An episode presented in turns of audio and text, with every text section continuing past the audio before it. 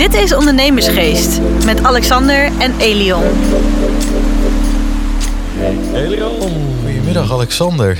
Op deze prachtige locatie in Utrecht. Eindelijk weer eens in Utrecht. Ja. Ja, het is al flink opgeschoten hier hè, met de verbouwing. Ja, ze schieten hier mooi op. Het Ja. is eh, mooi. Ja, nu echt eh 100 meter omhoog te kijken. En dan pas zien we een glazen plafond. een plek waar we hier nog nooit hebben, hebben gezeten. Want wij zitten hier eh, pas sinds kort, eh, Arno. En voor, voor de Ja. luisteraars ook. Ja, we zitten hier niet ja. alleen, want ik begin al gelijk. Ja. Ja, Je verklapt het al. Ik Arno. het al. Arno, ja. yes, yes, met een lange O, Arno. Oh ja. Oh, ja. Ja, hey, welkom eh, Ja. Arno. Dankjewel voor deze primeur ook. eh, Ja. De eerste in Utrecht. Ik voel me vereerd. Ja, nee, Ja. zeker. Ja, want we, eh, we- wij kennen Lotte gezamenlijk. En ik Ja. had net al eventjes gehoord dat, eh, dat jullie eh, op hetzelfde kantoor eigenlijk zijn gestart. Op een beetje hetzelfde tijdstip eh, Ja. op de Zuidas. Ja, dat klopt. Ja. Ja, dus eh, enkele jaren geleden waren we inderdaad eh, in het begin van corona. Ehm, waren we samen aan het werken op de, op- bij Tribes eh, op de Zuidas. Eh, en zo elkaar leren kennen. Ik heb, ik heb vernomen dat Lotte hier ook een podcast heeft gedaan eh, Ja, onlangs. klopt. Ja, ja, ja. Ja, Dus ja. zijn even bij haar geweest eh, op de Zuidas. Oké, Ja, ja. Nou, leuk. Een prachtige Ja. locatie ook. Ja, zeker weten. Ja, te gek. Hey, maar Arno, eh eh, nee, wellicht ook een beetje aan je stem te horen. Je komt niet uit Amsterdam. Ja, Je- dat, ja, dat valt direct op bij Nederlanders. Vanaf Ja. de eerste twee zinnen. En ik doe nogthans mijn best om op zijn Nederlands te praten. Oh, dat gaat goed hoor. Oké. Zeker, zeker. Amper. Het Ja. ja. ja, vijf minuten. Ja. Nee, ik ben inderdaad eh, geboren en getogen in het Antwerpse, eh, in, eh, in Duffel. Ehm, tussen Antwerpen en Brussel eigenlijk. Eh, België. eh, exact, België. Onze zuidenburen. We gaan Yes. internationaal, Elion. Ongelooflijk. Ja, Ja. Dat, gaat, dat gaat hard. Ja. Leuk. Ja. Ik vermoed dat jullie onlangs waarschijnlijk in België zijn geweest met de harde lockdown of... of Nou, dat mag ik- niet oneer. Ik wel, met mijn verjaardag. 11 Ja, december. Ja, Ja, ja, wel. Ja, nee, Want daar ik kon niet. ik nog wel eh, het, eh, het terras op. Dat, eh, dat kon hier niet. Nee, Nee. nee ik niet. Ja. Hey, en, en dus nou, in de buurt van Antwerpen. Ja. En op een dag dacht jij, ik ga naar de capital city of Nederland. Nou, hij is nog gestudeerd, hè? Ja, dus eh, ja, het is eigenlijk een heel traject geweest. Ja, dus, eh, ik ben, neem eh, ons mee. ja, in, in Duffel opgegroeid. Dat is eigenlijk een klein dorpje. Ehm, en altijd heel avontuurlijk geweest, heel nieuwsgierig. Dus ik merkte al snel dat het dorpje iets te klein voor me was. Dus als tiener ging ik dan altijd naar Antwerpen om uit te gaan en dergelijke. Vervolgens ben ik ook eh, in Brussel gaan studeren. Mijn bachelor alleszins. Ehm, daar heb ik dan een jaar gewerkt ook voor mijn master te gaan doen in Madrid. Ehm, Madrid. Exact. Oh, ja. gaaf. Ja. Ja. Welke master heb je gedaan? Eh, master in management. Oké, Ja. ja. En daarna eh, wou, ik, eh, wou ik internationaal gaan. Dus ik kwam niet terug naar België. Eh, ik was aan het denken om misschien naar Dubai te gaan, naar Londen, naar, naar de VS. En heb ik eigenlijk in het midden van mijn studie een heel interessante jobaanbieding gekregen in Amsterdam. Ehm, en ja, je kent het als student. Ik was, ik was een, best een hardwerkende student en, en mijn doel was een mooie job te landen. En dat was dan al gebeurd. Dus ja, voor de, rest, eh, voor de rest van het half jaar van die studie ben ik dan ook eh, gewoon zwaar gaan feesten. En gewoon gezegd van oké, ja, ik, ik heb een, een diploma bijna, ik heb mijn baan op zak. Ja, wat moet je dan nog? Ja, Dus, feesten. eh, Ja, precies. feesten, exact. En dan, eh, ja, dan uiteindelijk naar Amsterdam gekomen. En eh, ja, ik zit hier nu zes, zeven jaar. Ja. Nou ja. Merkt je ook een groot verschil tussen, eh, tussen de Vlaamse mensen en, en hier in, eh, in de Nederlanders? Ja, zeker. Dus ehm, je zou denken, ja, het is dezelfde taal, het zal waarschijnlijk dezelfde cultuur zijn. En we hadden natuurlijk bepaal- als België heb je natuurlijk bepaalde vooroordelen over de Nederlanders. Zijn heel raar. Ja, welke zijn dat dan? Ja, dat wil ik nu wel even weten. Luidruchtig, en, ja? eh, ja, ja, ja. En heel arrogant ook. Dus eh, ik zat wel op dat vlak wel eh, goed met mijn vooroordelen in Amsterdam. Maar ehm, ja, het, het zijn kleine dingen, of eh, je merkt kleine cultuurverschillen, die dan eigenlijk ook een, een, een grotere impact hebben op je leven dan je denkt. Zoals bijvoorbeeld eh, de culinaire traditie hier in Nederland is beperkt. Er is veel meer leencultuur, dus je kan heel goed Aziatisch eten, je kan heel goed Italiaans eten en dergelijke. In België heb je meer echt Belgische keuken. Um, maar je kan niet goed Nederlands eten, basically. Dus uh, je hebt wel bitterballen en dergelijke. Ja. Ik heb nu geleerd om zo ook te pletten op mijn, op mijn sandwich. Oh ja. uh, dus, uh, dus dat was anders. Ja. Um, en dan verder ook het feit dat Nederlanders heel direct zijn. Maar, maar dat spreekt me ook enorm aan aan Nederlandse cultuur. Mm -hmm. Dus initieel was het niet mijn doelstelling om hier lange termijn te blijven.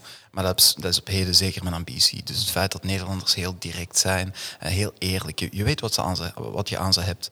Uh, als, er, als er conflicten zijn of problemen zijn, dan komen die direct boven. Dan kan je dat direct uitpraten. En daar blijft het dan ook bij.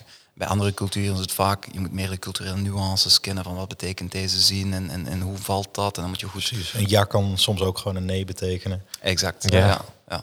Dus uh, dat vond ik wel, dat was even wennen voor mij, want ik was altijd de meest directe Belg in de bunch Ja. uh, toen ik in België zat. Uh, en in Nederland, was, in Nederland was iedereen ineens zo.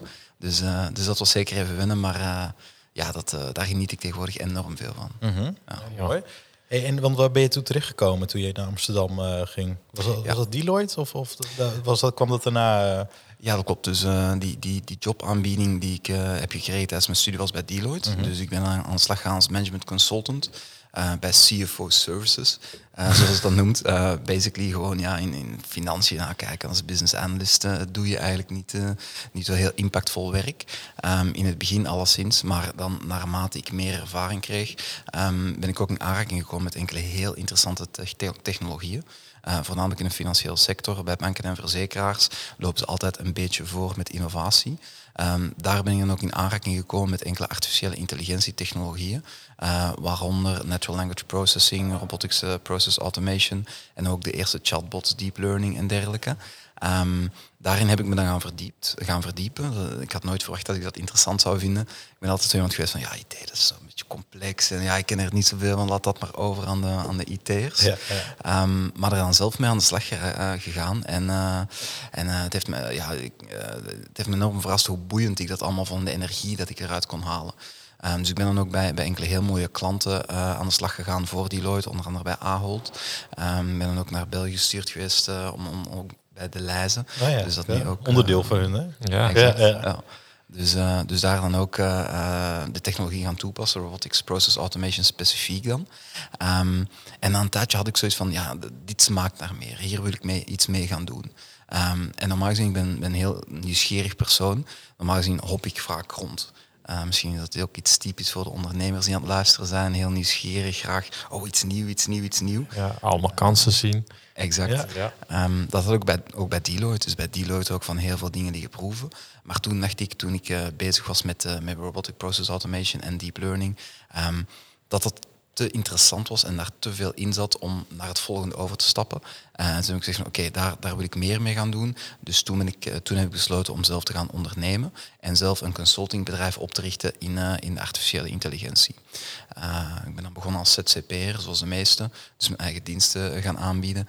Um, maar je merkt al snel, zeker met nieuwe technologieën, als je dat gaat aanbieden aan klanten, dat het snel uh, zich uitdijt. Dat, dat en wat, maar wat voor diensten bood je dan aan in het begin? Um, dat was, uh, ik denk mijn eerste klant was uh, Nederlandse rechtspraak. Daar ben ik aan de slag gegaan als RPA-expert, uh, noemt dat dan.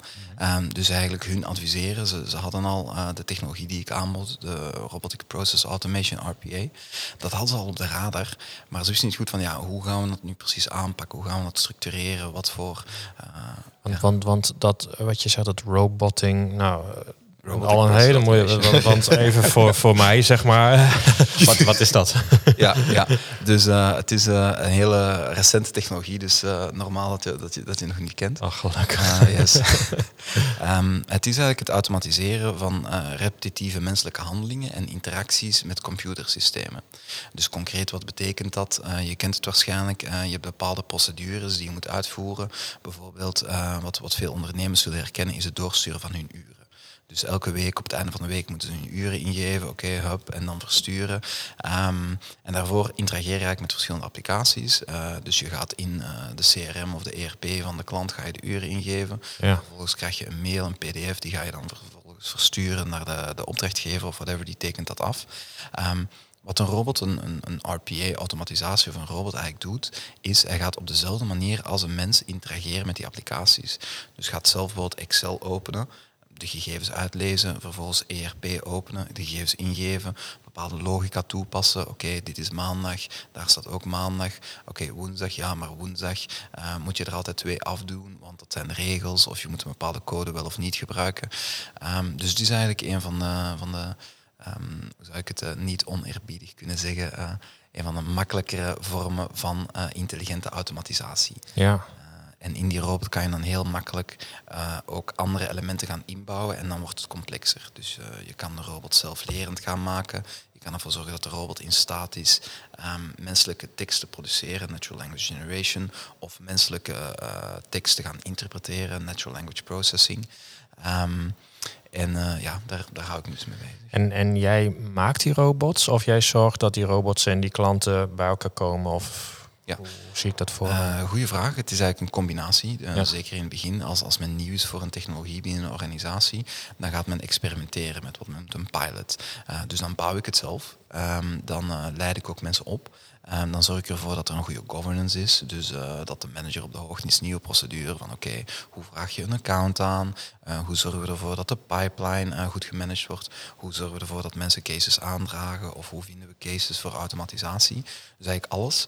En naarmate een project matuurder wordt, dan trek ik me steeds meer terug van die echte ontwikkelaarsrol. Um, en is het meer managementactiviteiten. Um, dus ook bijvoorbeeld bij dat project, bij de rechtspraak, zitten we nu met drie ontwikkelaars uh, die echt het pure ontwikkelaarswerk doen. En ik doe dan eigenlijk de kwaliteitsanalyse. En ik, voor, ik zorg ervoor dat het goed omkaderd is vanuit een rol van product owner, service delivery manager. Oké okay, joh. Interessant. Ja, ja. echt weer heel, heel, ja. Nu je het allemaal zo vertelt, denk ik, oh ja, ik moet ook wel eens een document opsturen. En vroeger moest je dat allemaal zo intikken en die leest dat dan gewoon uit. En, en dat is eigenlijk ook een beetje wat jij, een beetje, maar wat jij doet. Uh, ja. Ja, oh interessant hè. Zeker. En nou, dat is twee jaar, of nee, langer denk ik, hè? bijna drie jaar terug. Drie jaar ongeveer. Ja, bijna ja. De, hè, drie jaar geleden dat je, dat je daarmee begon uh, voor jezelf. Nou, ja. Zo ken je Lotte dus ook, wat je, ja. wat je net vertelde. Jullie uh, uh, bij Tribes in, op de site als, als zaten. Um, daar zit je ondertussen nu niet meer. Nee. Dus er is heel wat veranderd in die, in die drie jaar tijd. Kan je ons daar ook eens in meenemen? Want uh, van, van ZZP-schap naar nou, waar, je, waar je nu staat, uh, die tijdlijn. Ja. ja. dus op heden uh, hebben we ongeveer zes medewerkers in dienst. of heeft mijn bedrijf zes medewerkers in dienst. Um, er zijn een paar weggegaan, er zijn een paar bijgekomen. zo gaat het dan. Um, maar uh, ja, ik ben dus begonnen als ZZP'er. Al snel gemerkt van oké, ik, heb, ik heb meer capaciteit nodig. Het project is aan het uitbreiden. Ik heb te weinig, of ik, ik kan het zelf niet meer goed managen. Dus ik ben dan iemand gaan aannemen. Um, vervolgens uh, nieuwe projecten, zijn er nieuwe projecten binnengekomen. Ja, was dat voor persoon? Met wat voor achtergrond? Uh, dat was uh, eigenlijk ook een RPA consultant of een RPA expert. die zat op dat moment bij Accenture in Praag. Ah, ja. een Nederlander. Um, die heb ik gevonden via een headhunting bedrijf. ik werk nog steeds met headhunting bedrijven. omdat er enorme schaarste is aan gekwalificeerd personeel. Omdat een nieuwe technologie is, zoals we net hebben kunnen merken. Um, dus heel weinig mensen weten er nog van. Heel weinig mensen zijn er bekwaam in. Um, dus uh, ja, die, die heb ik dan naar Nederland gehaald, als het ware. Of, teruggehaald. ja, teruggehaald, ja. ja, ja. En uh, dat was een Brabander, dus dat, uh, of, of iemand uit Limburg. ik, ik ze altijd. En um, ja, dat was ook makkelijk schakelen, want die verstond me gewoon altijd. Dus uh, ja. het scheelde aan voilà, voilà. Ja, ja, ja. Allee. ja, ja. En, en, uh, nee, neem ons eens verder mee uh, hoe dat is gegaan. Want nou, dat was de eerste. Toen zat je nog bij Tribes. Op een gegeven moment uh, werd dat ook iets te klein. Ja, ja inderdaad. Toen, toen, toen hadden we dus nog meer vraag vanuit de markt. Dus interesse vanuit nieuwe klanten. En ook op de bestaande projecten begonnen we te merken dat de capaciteit wat, wat beperkter werd. Um, dus dan, dan, dan wouden we nieuwe mensen gaan aannemen. Maar op dat moment zaten we eigenlijk nog in, in een coworking. Nu met corona valt het goed mee, je doet alles digitaal en dergelijke. Maar om echt een bedrijf op te bouwen, kan je moeilijk in zo'n gemeenschappelijke ruimte zitten. Dan, uh, ik denk het is beter voor de identiteit van een bedrijf om dan je eigen kantoortje te hebben, waar je posters kan ophangen, uh, zetel hebben en dergelijke. Um, dus dan zijn we verhuisd naar de Warmoestraat uh, in Amsterdam. Ja, ook beruchte straat. Ja. De beruchte ja, ik zou dit zeggen, ja. Straat. Ja, ja, onze, onze buren zijn, uh, zijn een condoomwinkel. het, het, het, was beter als voorheen. Voorheen was het een fistingclub. Dus, oh, is uh, het, gaat, het, gaat er, het gaat er vooruit. Dan bestaat dat? Ja, ja, ja. bestaat dat. ja, ja. Oh, dat heb ik ook uh, ja, op de goede manier moeten Dit wordt onze headline. buren van de fistingclub. Ja, ja, wat doen die eigenlijk? Klaar maar. jongen, jongen. Nee, interessant zeg. En, maar ik kan me ook voorstellen dat... Uh, want, uh, want hoeveel had je ook mensen onder jou bij, bij Deloitte in die tijd? Of? Uh, nee, wel, ik was consultant, senior consultant. Dus ik had wel mensen die ik opleidde en begeleide. Ja. Maar ik had absoluut geen ervaring met het managen van mensen. Nee. Dus dat was mijn eerste managementervaring, was het managen van je eigen personeel. Ja, hoe was dat? Daar, daar, komt wel wat bij kijken hoor. Ik denk als ondernemer tot nu toe um, het, het moeilijkste of, het, of het, meest, uh, het meest uitdagende was toch wel het hebben van personeel. Mm -hmm. Uh, er is een, een, een, een, Joodse vloek die gaat. Uh, ik wens je veel personeel. Ja, ja. het, het, kijk, normaal gezien, um, zeker als je ambitieus bent en hardwerkend, je, je, je, je bent constant bezig met continue verbetering. Hoe kan, ik mezelf, op, hoe kan ik mezelf verbeteren? Wat zijn mijn aandachtspunten? Hoe ontwikkel ik mezelf om het meeste, het, het, het onderste uit de kant te halen, als het ware? Uh, en bij personeel moet je dat eigenlijk ook doen. Je moet nadenken van ja, hoe kunnen die mensen zich het best ontwikkelen? Welke, ont welke noden hebben ze en dergelijke. En, en, en dat weet je niet. Daarvoor moet je de persoon echt leren kennen. Um, en, en, en dat was toch wel lastig, vond ik, om, om je in die persoon te plaatsen. En ineens ben je niet meer um, zomaar jezelf, uh, als, als ZZP'er dan. Maar je moet ook ineens gaan rekening houden met die, met die ontwikkelmogelijkheden, de wensen, de noden van je personeel en dergelijke. Je moet ineens contracten gaan opstellen. En dus ik, ik google van template contracten, waar moet ik rekening mee houden en dit en dat en alles. Heel bekend. Ja, ja, ja, ja, En dan uh, hebben ze ook nog een privéleven en dat heeft dan ook weer invloed op ja. hoe zij in hun werk staan. En ik denk ook voornamelijk nu, tenminste, dat hebben, hè, daar hadden we toevallig vanmiddag ook nog over. Je, en wat je zelf ook al aangeeft, je, als je wil groeien, dan heb jij in je bedrijf al een, een headhuntersbedrijf nodig, omdat die mensen zo erg schaars zijn. Ja. Maar dan zitten ze eenmaal bij je en dan heb je flink moeten lappen. En dan is nog eens de kunst van dat ze bij je blijven. Ja. In een markt waar ze eigenlijk uh, morgen uh, bij ze spreken voor weet ik hoeveel euro bruto uh, nog meer kunnen verdienen of, of, of, of, of, of weet ik wat. Zeker, zeker. En dat is ook wat er is gebeurd met mijn eerste werknemer. Ja? Um, dus hij zat bij Accenture in, uh, in Praag, ja. in, in, Tsjechië. Hij is dan naar hier gekomen, naar Nederland. Maar hij is uiteindelijk dan terug vertrokken naar Accenture in Nederland. Dus ik ben constant aan het opboksen, als het ware, tegen, ja, tegen, tegen die grote bedrijven.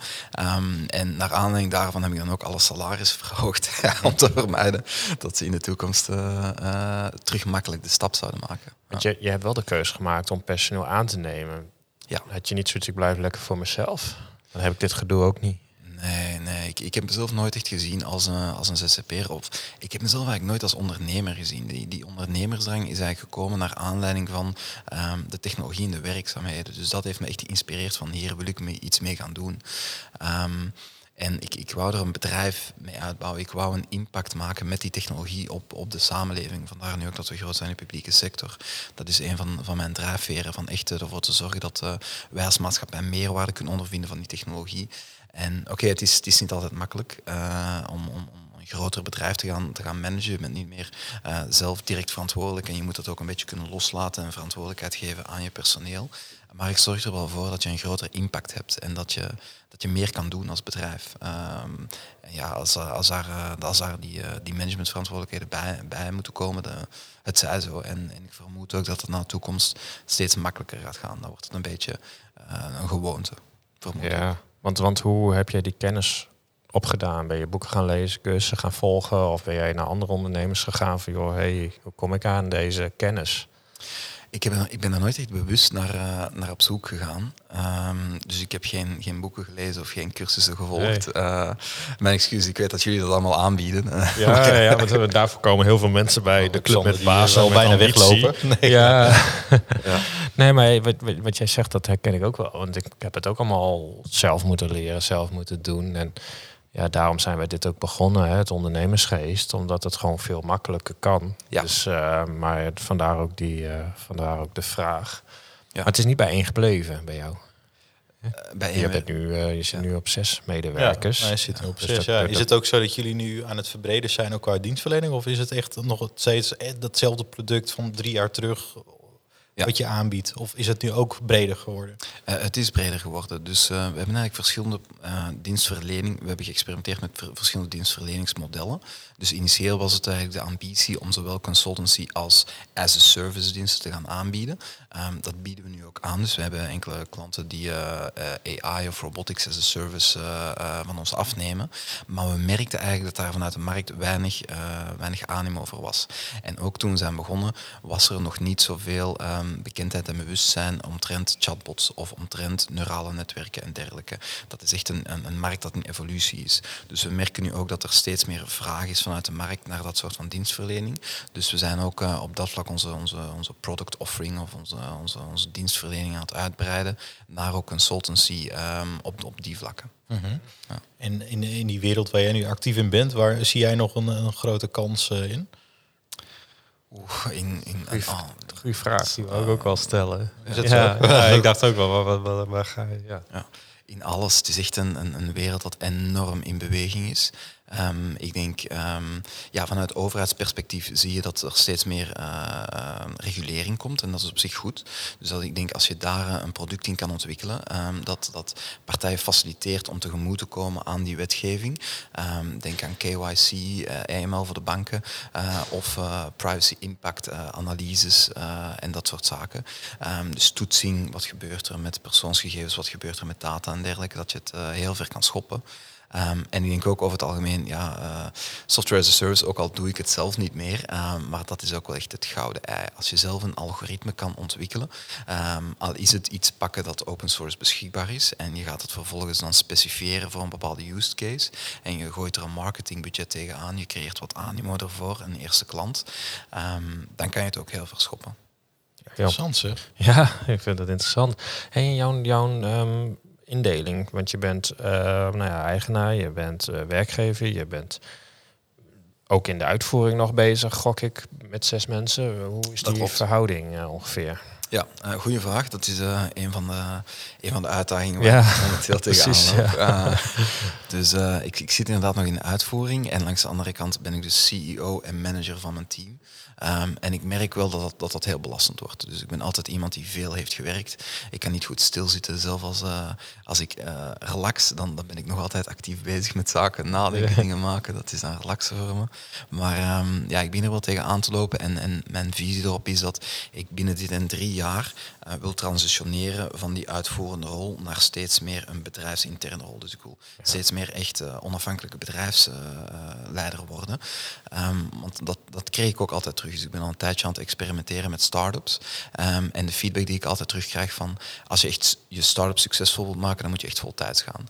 Uh, bij Deloitte bijvoorbeeld had ik een, uh, een blockchain startup samen met enkele collega's, waarbij we eigenlijk vastgoed tokenizeden. Dus eigenlijk um, het, het, mogelijk maakten voor mensen om met 100 euro op de, blok, op, uh, de Ethereum blockchain een, een soort van uh, deeleigenaarschap uh, kreeg Ja. van een stuk vastgoed. en daar, daar zijn we dan ook de boer op meegegaan, dit en dat. Maar dan kregen we altijd terug, zeker van investeerders, van hey, leuk, goed idee, heeft potentieel, maar jullie zijn allemaal nog voltijd aan de slag ergens. dat gaat niet werken. Je moet echt dedicated aan de slag als ondernemer. wil, je, wil, je, wil je succesvol zijn? Nu, de, de sector waarin ik zit, in de consultancy, um, daar is dat iets minder noodzakelijk. Omdat je vaak, uh, zoals bij mij bijvoorbeeld, uh, ik sta aan het roeren van mijn eigen team. Um, dus dat kan ik op zich wel dragen. Maar nu ook bij, bij de rechtspraak, de eerste klant, daar zit ik nu ook maar deeltijds. Dus ik probeer al zoveel mogelijk um, onafhankelijk te worden van die klant en steeds meer echt uh, bedrijfsleiding te geven. Ja. ja. Ja, want dat is natuurlijk, het laatste hoorde ik ook zo'n verhaal. En die was dus en nog in dienst, maar die hadden ondertussen al wel mensen in dienst die dat moesten doen. Op een gegeven moment zei ja, weet je, geloof je dan niet in je eigen bedrijf? Oftewel, weet je, en toen was het ook van, hé, hey, verrek niet, zegt. En die is toen ook gaan jumpen. Weet je. Ja. En, dan, nou ja, en, dan, en dan op een manier lukt het dan ook. Ja, kijk, ik, ik begrijp de overweging zeker. Ja, ik, ik heb ook. Ik heb de overweging ook gehad. Een van, een van mijn uh, criteria om, om voltijds voor de start-up dat me uiteindelijk heeft overtuigd om uh, uh, ondernemer te worden. Um, mijn belangrijkste criteria was van ik wil ofwel evenveel of veel meer verdienen dan de, wanneer ik in dienst ben. Dus ik ben geen op dat vlak geboren en getogen ondernemer dat ik zeg van ja, ik ga ervoor en ik ga in de garage leven zoals Elon Musk of whatever. Um, ik heb er doelbewust voor gekozen van oké, okay, dit is een goede business case. Hier kan ik geld mee verdienen. Uh, en nu ook als ik bijvoorbeeld in mijn bedrijf uh, minder bij de klant werk, dan moet ik er ook voor zorgen dat dat financieel de goede zet is. Dat dat dus gedragen kan worden. Dat mijn eigen salaris gedragen kan worden door de onderneming. Dus, uh, dus dat is een afweging, denk ik, die, die veel ondernemers maken. Want het blijft toch wel een risico. En ik denk, als je, dat, als je dat goed kan opvangen met een goede business case en een goede financiële structuur erachter, dat faciliteert enorm die overgang. Ja, zeker. En wat zijn verder jouw ambities met het, met het bedrijf? Want jullie zijn uh, in drie jaar tijd uh, al flink gegroeid. Is jouw ambitie om nog veel groter te worden of, of nog te specialiseren in, in, in, andere producten die, die jullie de markt op gaan brengen? Ja, um, ja sowieso dat we willen groeien. Dus we willen dit jaar verdubbelen. Dus dit jaar willen we naar 12, 15 mensen gaan. Het jaar daarna opnieuw en het jaar daarna. Dus, eh, gewoon verdubbelen. Yes, Ja. verdubbelen, basically. Ehm, dat is ook zien we, dat we zien bij onze concurrenten. Dus onze concurrenten zijn ook aan het verdubbelen. Het is een enorme groeimarkt. Ehm, en ik zou graag daarbij ook, eh, wat we eerder bespraken, de diversi- diversifiering van de dienstverlening verder doorzetten. Dus dat we steeds echt op het snijvlak van de innovatie eh, blijven. Dat we niet een of andere standaard solution gaan implementeren. Van ja, iedereen kan het wel, maar wij zijn er al langer mee bezig. Dus kies voor ons nee, echt iets van, ja, dit is, dit is zeldzaam. Dit is een kennis en een kunde dat wij snel hebben kunnen oppikken, waar we ervaring mee hebben en waar we klanten mee dus kunnen helpen om die volgende stap te zetten in, in de innovatie. Ja, mooi zeg. Ja. En heb je voor de luisteraars ook nog een, een tip die je wil meegeven? Wat je de afgelopen drie jaar eh, hebt, eh, hebt geleerd? Of dat je denkt, ja, dit, daar ga je tegenaan lopen. Ja, ja. Ja. Ehm, eh, ik zou zeggen, je boekhouding goed bijhouden. Dat is, eh, Zo, die had je niet verwacht. Nee, dit, ik denk, nou, Het is wel niet. zo, Maar het ja. is wel zo, ja. Kijk, het schiet me te binnen. Eh, het is een beetje een side tip en excuses daarvoor. Ja, ik kom Nee, nee, fijn uit, maar, Ja. ik, had, ik had gisteren nog een, een, een meeting met een nieuwe accountant. De eerste accountant die ik had, dat was een beetje wishy-washy. Snel even iemand erbij halen. Ehm, en met die nieuwe accountant, die keek dan en zei van, ja, maar waar zijn je bonnetjes? Ja, in mijn mailbox, in de dit en dat. En, dan zei van, ja, nee, dat, dat moet gewoon sluitend zijn. Ehm, want als je, als je tijdens het jaar, het is eigenlijk een kleine moeite om dat tussendoor te doen. Tegenwoordig heb je van die pakketten, je neemt een foto, dat wordt geüpload, je hebt een goede accountant, die regelt dat. Eh, bij mij, omdat ik eh, zelf ook uit de financiële hoek kwam, had ik zo, ja, ik kan dat wel zelf. Zo, zo moeilijk is het toch niet? Een balansje maken, dan winst-verlies. Eh, ik heb het op, op de middelbare school heb ik dat ook nog geleerd. Ehm, maar dan loop je er snel tegenaan. Ik denk, eh, de eerste paar jaar was nog oké, weet je, als ZZP'er, je- hoeveel transacties heb je, dat valt allemaal goed mee. Maar als je begint te, op te schalen en je moet eh, mensen, mensen loon gaan betalen en dan de loonheffing en speciale regels daarvoor. En je hebt een leverancier hier, een leverancier daar. En dan krijg je facturen binnen met betaaltermijnen en is dat relevant? Oh, die betaaltermijnen zijn relevant. Dus dat zijn van die dingen waar je als ondernemer eh, niet graag en niet veel mee bezig bent, maar daar loop je dan wel tegenaan als je gaat schalen en ineens is er veel meer financiële administratie. En je moet dan retroactief alles op het einde van het jaar gaan rechtzetten voor maar te zorgen dat je compliant bent met alles dat is regels. niet te doen. Exact. Nee. Ja, dat eh, vind ik wel leuk dat je dat zegt. We hadden bij ons in het bedrijf toen meteen Piet die dat wegzette. En ik had eigenlijk hetzelfde. Je denkt, ja, joh, maak je niet te druk. Maar achteraf was dat het beste wat ook eh, voor ons zo was. Dat dat meteen zo stond. Daar Ja. hebben we zoveel voordeel van gehad. Maar ja, dat, dat hadden we op dat moment niet door, of ik niet. Maar eh, nee, eh, mooi dat je het zegt.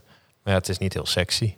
Nee. Nee, maar het moet wel. Ja. Het zijn ook niet Ja. de leukste dingen, tenminste. Ik merk Nee. het ook bij mezelf. Dat je denkt, ach, doe ik later wel. Ja. En later is een week, twee weken, drie Ah. weken. En dan denk je, Ah. oh shit, ja, dat moet nu echt. Ja. Weet je wel? Ja. Ah, ja, jij bent er nog wel aardig adequaat in. Of tenminste Oh. punctueel. Ja, Ja. weet je. Ja, Weet het wel, weet je, ja. Weet je, ja. Nee, eh, helder. Ja, ik vond het echt een super, super verhaal. Ik Ja. weet niet, Alexander, wil jij nog iets weten? Nee hoor, je hebt de vraag al gesteld en Ja. eh, hele mooie dingen. Ik, ik, ik- er gaat weer een wereld voor me open. Ja. Ja. Hoe kunnen mensen jou, jou vinden Ja. trouwens? Eh, Ehm, ik ben beschikbaar op, eh, op sociale media, LinkedIn, Instagram. Mijn bedrijf heeft ook eh, sinds onlangs een, een eigen Instagram, daar heeft Lotte voor gezorgd. oh, tof. Oh. Dus eh, Die ga ik volgen. ja, Ja. dus dat. Ehm, wel belangrijk. eh, Misschien is, nog even de naam noemen. Exact, ja. Ja. Dus eh, mijn naam is Arno met A-U-D. Ja. Mijn achternaam is Maas met M-A-E-S. Eh, of je kan ook zoeken op een bedrijf, dat is Iris, eh, E-I-I. Dus eh artificiële Zo zei je dat? E? I-I. Iris. E, I, ja. Dus A-I-R-I-S. Iris. Helder. Ja. Ja, helder, ja. Nee, super zeg. Prachtig bedrijf ook. Ik ben echt enorm benieuwd waar je over een paar jaar staat. Dat, Dankjewel, ja, Elon. ja Ik zeker. Denk, dat- ik denk dat je wel lukt. Ja, dat weet ik zeker. Ja. Ja, ja. Ja.